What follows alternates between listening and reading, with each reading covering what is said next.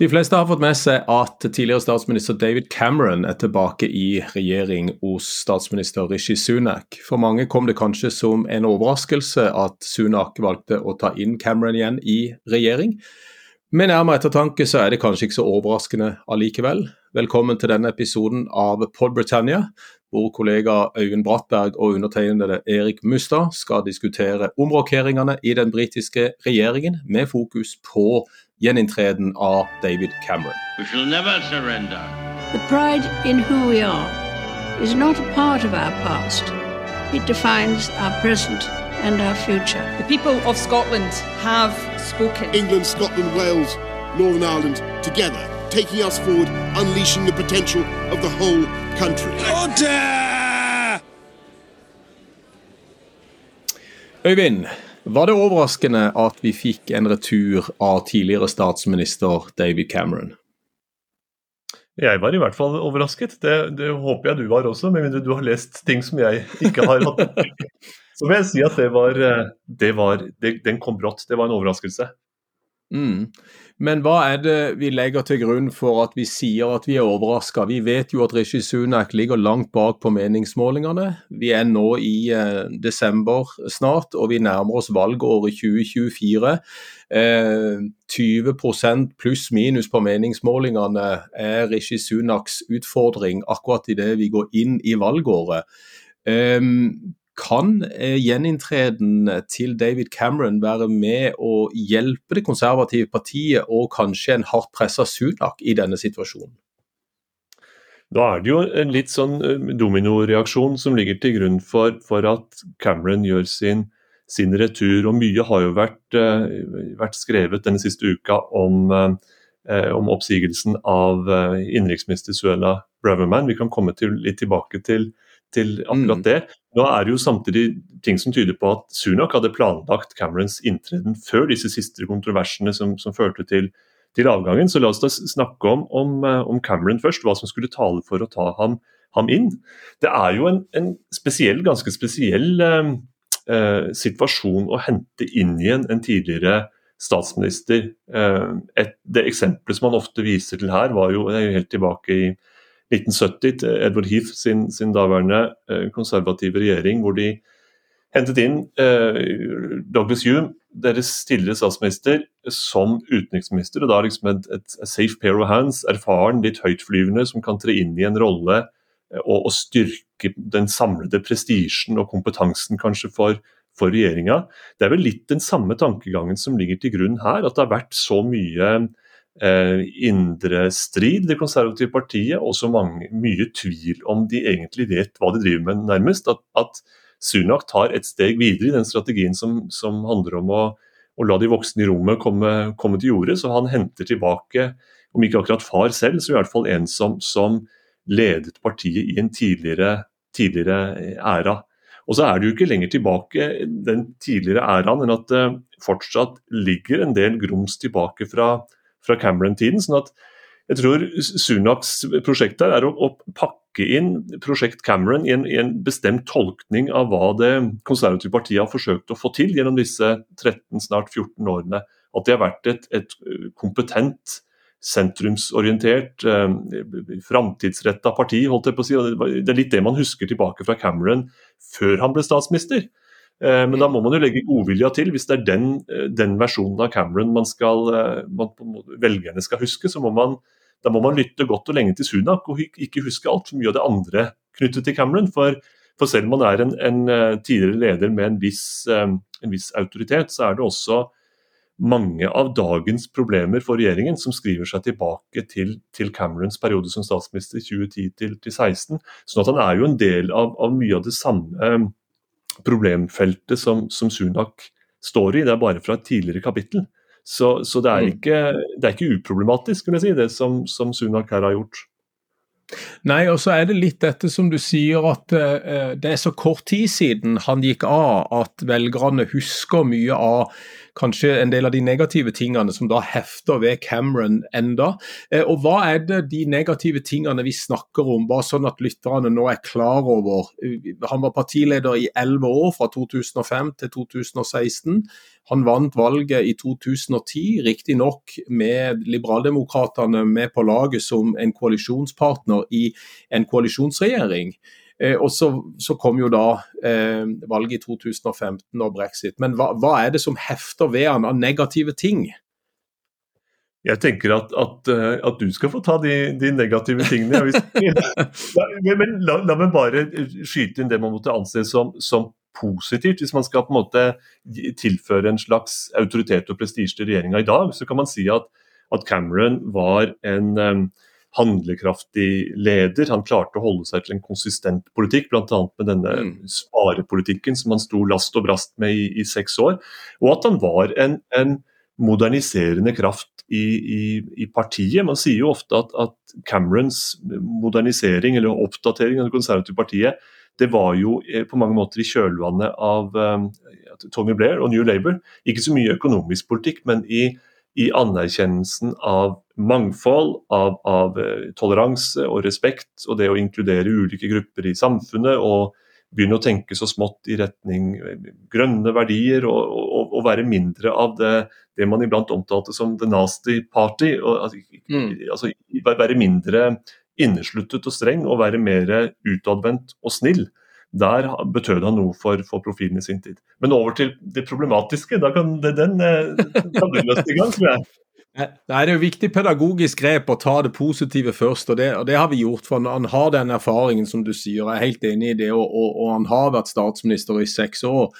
Og Så var det vel dette forsøket på å uh, ta dette EU-spøkelset opp en gang for alle, som, som har ridd det konservative partiet som en mare langt tilbake til, til, til 70-80-tallet, og, og, egentlig helt siden de gikk inn i, i EF i, i 1973.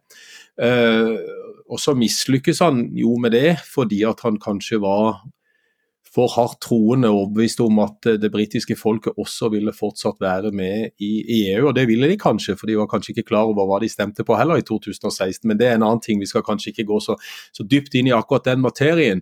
Men han, han har jo da eh, fremstått som en, det vi kaller en sosialliberaler, en mer sentrums-høyreorientert politiker. Eh, og, og, det er nok et ønske fra Sunak også å, å prøve å assosiere seg med det. Eh, Sunak eh, var, jo, var jo en ung statsminister i fjor og er jo en enda ung da, da han eh, ble statsminister, og enda ung i år. Um, og Cameron var jo på samme alder da han eh, ble statsminister i, i 2010, så det er jo en del sånn identifiserings... Uh, spørsmål rundt, rundt Sunak og, og, Cameron, selvfølgelig. Men, men han omtales jo i, i, en del medier i Storbritannia som en taper, og, og, og liksom den som står igjen etter, etter brexit-nederlaget. Eh, og at også hans uh, austerity, altså innsparingspolitikk, eh, ble ganske vanskelig for Storbritannia. Og, selv om den var konsistent og enig i det, sammen med finansminister George Osborne, så var det kanskje Osborne som fikk mer kreditt for det enn en Cameron til syvende og sist.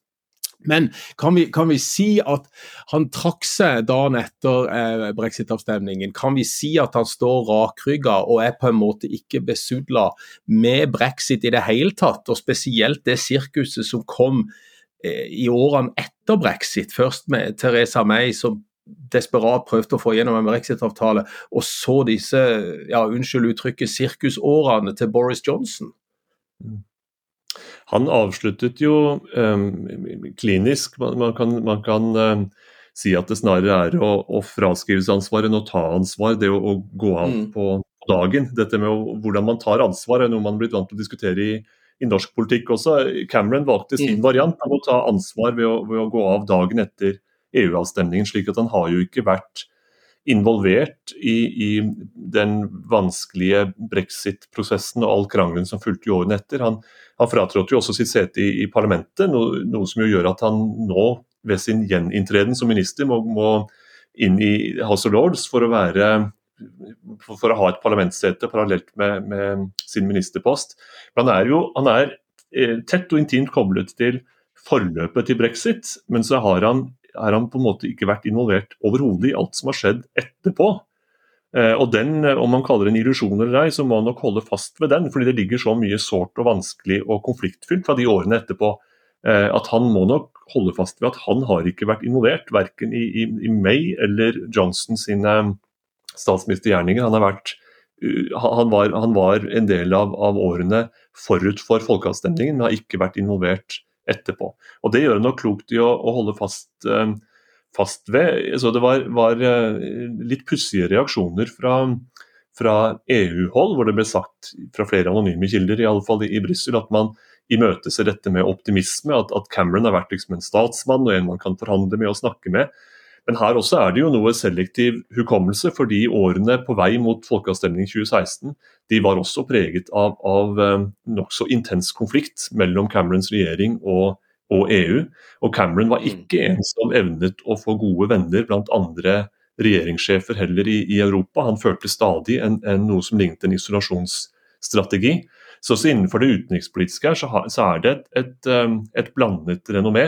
Og det at han har blitt um, eldre, betyr ikke nødvendigvis at han har auraen til en, en, en elderly statesman. Det, det, det, er nok en del som skal overbevises også, for, uh, for Cameron sin del. Ja, og, og, vi skal komme tilbake litt til, til, utenriksministerposten, men først dette her at Cameron nå ikke er valgt. Altså Han har fått sete i Overhuset, men han er ikke en del av Underhuset. Og så vet vi sånn at alle ministre i Storbritannia de må være i parlamentet, da enten i Underhuset eller i Overhuset. Eh, og Han trakk seg jo fra, fra setet sitt i Underhuset eh, bare vel åtte uker etter han trakk seg i 2016 etter brexit-nederlaget, sett fra hans ståsted.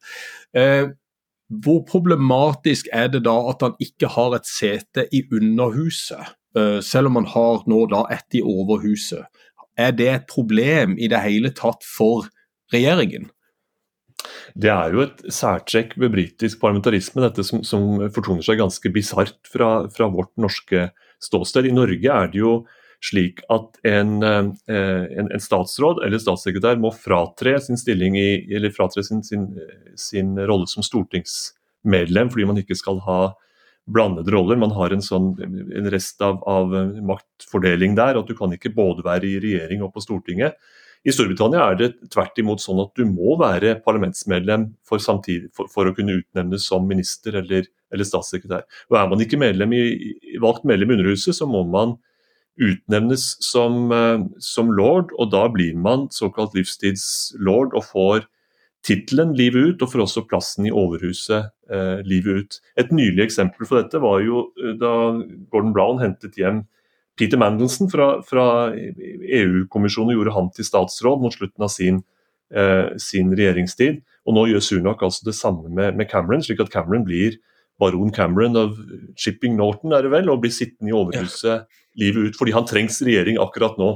Det er jo, det er jo mm. og det er et, så avgjort et handikap for regjeringa også at, at um, en helt sentral statsråd ikke får muligheten til å forsvare regjeringas politikk blant de valgte politikerne. Han får ikke han har ikke lov til å entre uh, Underhusets kammer, han må holde seg i House of Lords.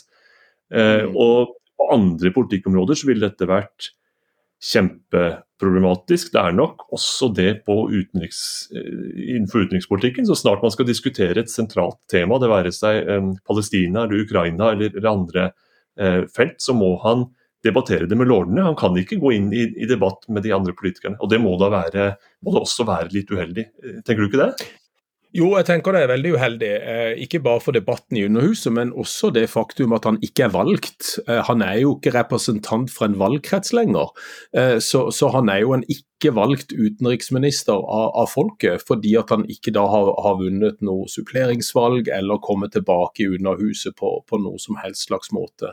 Så Det har det vært en del kommentarer på, har jeg sett i, i britiske medier, at, eh, at, han blir tatt inn på den måten der. Og er da debattmessig også avsondra fra å kunne gå inn i, eh, i Underhuset. Var det derfor, tror du, at den eneste muligheten for Sunak var å gi han Utenriksdepartementet. Han bytta jo ikke Braverman med Cameron, og det var jo flere grunner til det, kanskje. Ja, du har jo også vært, vært opptatt av det at den, eh, den innenriksministerposten er ekstra turbulent, og er, det er ekstra mye debatt rundt den. Og den krever kanskje en egen både legitimitet og, og ikke minst en debattarena i Underhuset. Mens utenriksministerposten så er det kanskje lettere å si at her kommer det en, en politiker som, som, er på en måte litt løst koblet til det løpende ordskiftet, og som heller ikke har noen, noe folkevalgt mandat. Eh, I en enkelte land, andre land så er jo hender det jo også at utenriksministeren er diplomat snarere enn politiker, så det er kanskje den, den posten en, en, som Cameron skulle kunne hoppe inn i hvis han skulle inn i regjering eh, nå. Og Da ble det jo en hendig omrokering i det eh, tidligere utenriksminister Cleverly kunne dyttes over i den ledige innenriksministerposten idet Braverman gikk, eh, gikk, ut. Så den kabalen gikk jo opp for, for Sunak eh, på et vis. Da, og Det er jo veldig symboltunge Mm, poster det dreier seg om dette. Man kan snakke mye om å flytte politikere inn og ut av regjering, men nå er vi på de tre helt sentrale, finans, utenriks og innenriks. Og hvordan den komposisjonen ser ut, er jo i realiteten hva regjeringa ønsker å være. Det er liksom selve de bærende pilarene det dreier seg om, som, som eh, Sunak nå har flytta rundt på. Er det der eh, også en, eh, en, større konsensus mellom opposisjonen Labour og de konservative, og en slags oppfatning i den britiske opinionen at det er mer konsensus rundt utenrikspolitikken? Eh, vi ser jo at det er mange utenrikspolitiske hendelser som påvirker partiene og påvirker både Labour og de konservative. Men, men hvordan er utenrikspolitikken forankra i, i Storbritannia?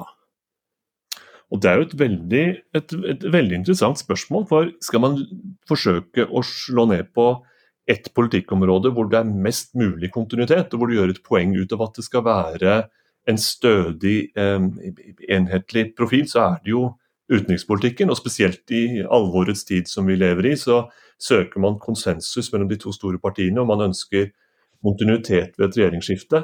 Så det er nok mm. tilfellet tilfelle der. Ja. Eh, og, og, i veldig kontrast til noen av de mer eh, intenst debatterte områdene, som jo er mange av under innenriksministerens post, hvor, hvor, hvor, både innvandring, integrering, kriminalitetsbekjempelse av disse, disse, veldig betente feltene eh, ligger. Så utenriksministerposten er nok den minst hva skal man si, politiserte, eller minst, det, det, herjes minst med, i alle fall. Mm. Mm. Og så er det jo da uh, denne uh, utskiftningen eller muligheten for å kvitte seg med Braverman. Uh, hun har jo vært en som har både ropt høyt og, og kanskje undergravd sin leder på en del områder tidligere.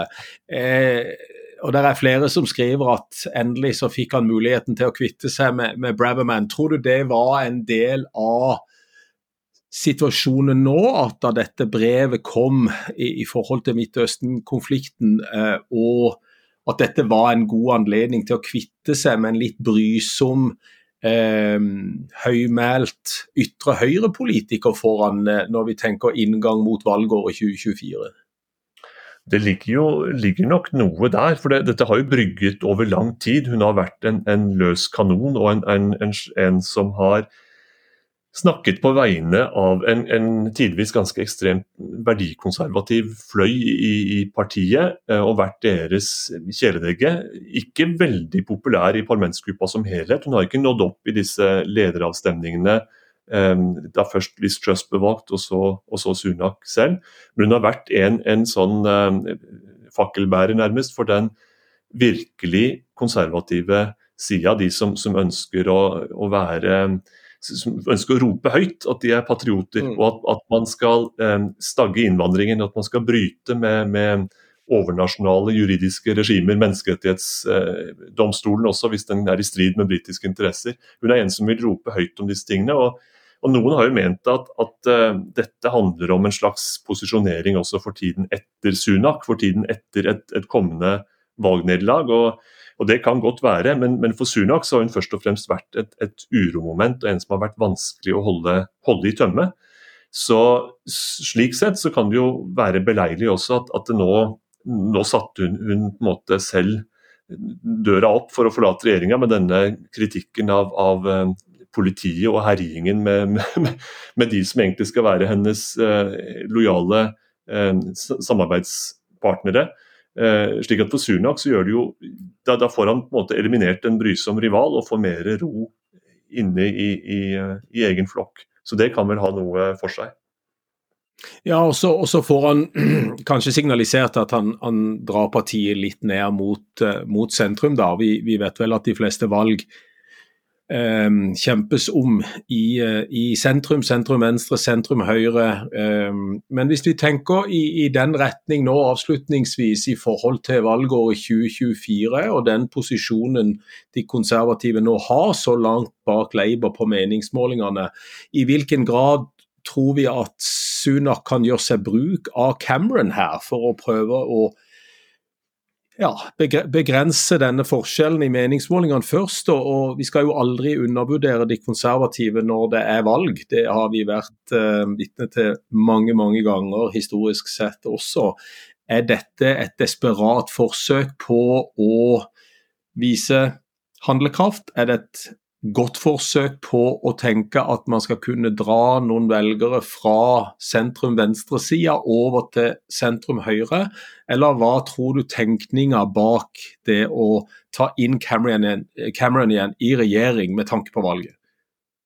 Det ligger jo noe symbolikk i dette her, fordi statsministrene etter Cameron har jo på mange måter vært en reaksjon på ham. Det var både Theresa May og, og, og Boris Johnson og til en viss grad Sunak også. Dette med at man skulle, man skulle eh, våge å være mer patriot. altså Man skulle ha mindre av det sosialliberale som du var, eh, som du var inne på. Man skulle snakke opp Storbritannia. Man skulle være patriot og våge å være EU-skeptiker for, for, eh, for, alt det var verdt. Samtidig som man skulle drive litt mer offensiv eh, distriktspolitikk og støtte til, til nord osv., som også er en kontrast til den sparepolitikken som, som Cameron førte. Så når man tar ham tilbake i regjering, så er det vel kanskje også et signal om at, man, at, den, at det har gått for, litt for langt kanskje i de årene etter brexit, og at man vil finne tilbake til i hvert fall gi, strekke ut en arm til det som var før. Og På den måten så vil man kanskje også kunne eh, nå fram til velgere som man hadde under Cameron, og som har forsvunnet siden den gang. Eh, Bl.a. litt sånn sentrumsorienterte liberale velgere i Sør-England som nå etter hvert også har, har, eh, blitt mer og mer misfornøyd med retningen partiet har tatt i, i seinere år. Men om denne, dette regnestykket går opp, om ligninga går opp for partiet som helhet, er ikke, det er sannelig ikke, ikke, godt å si. For det, det er sammensatte utfordringer de står, står overfor. og og der man vinner noe tillit hos velgere, så vil man også kunne tape i andre, andre velgergrupper som man også gjerne skulle, skulle rekruttert. Så jeg vet ikke om Kommer man ut i pluss med et sånt, eh, et sånt regnestykke? Nei, det er jo det som er det store spørsmålet. Så, så, på en måte så er det kanskje en gambling. På en annen måte så er det et forsøk på å vise handlekraft og gjøre noe i en situasjon som har vedvart ganske lenge eh, i, i, forhold til at eh, meningsmålingene har vist så solid flertall til Labour.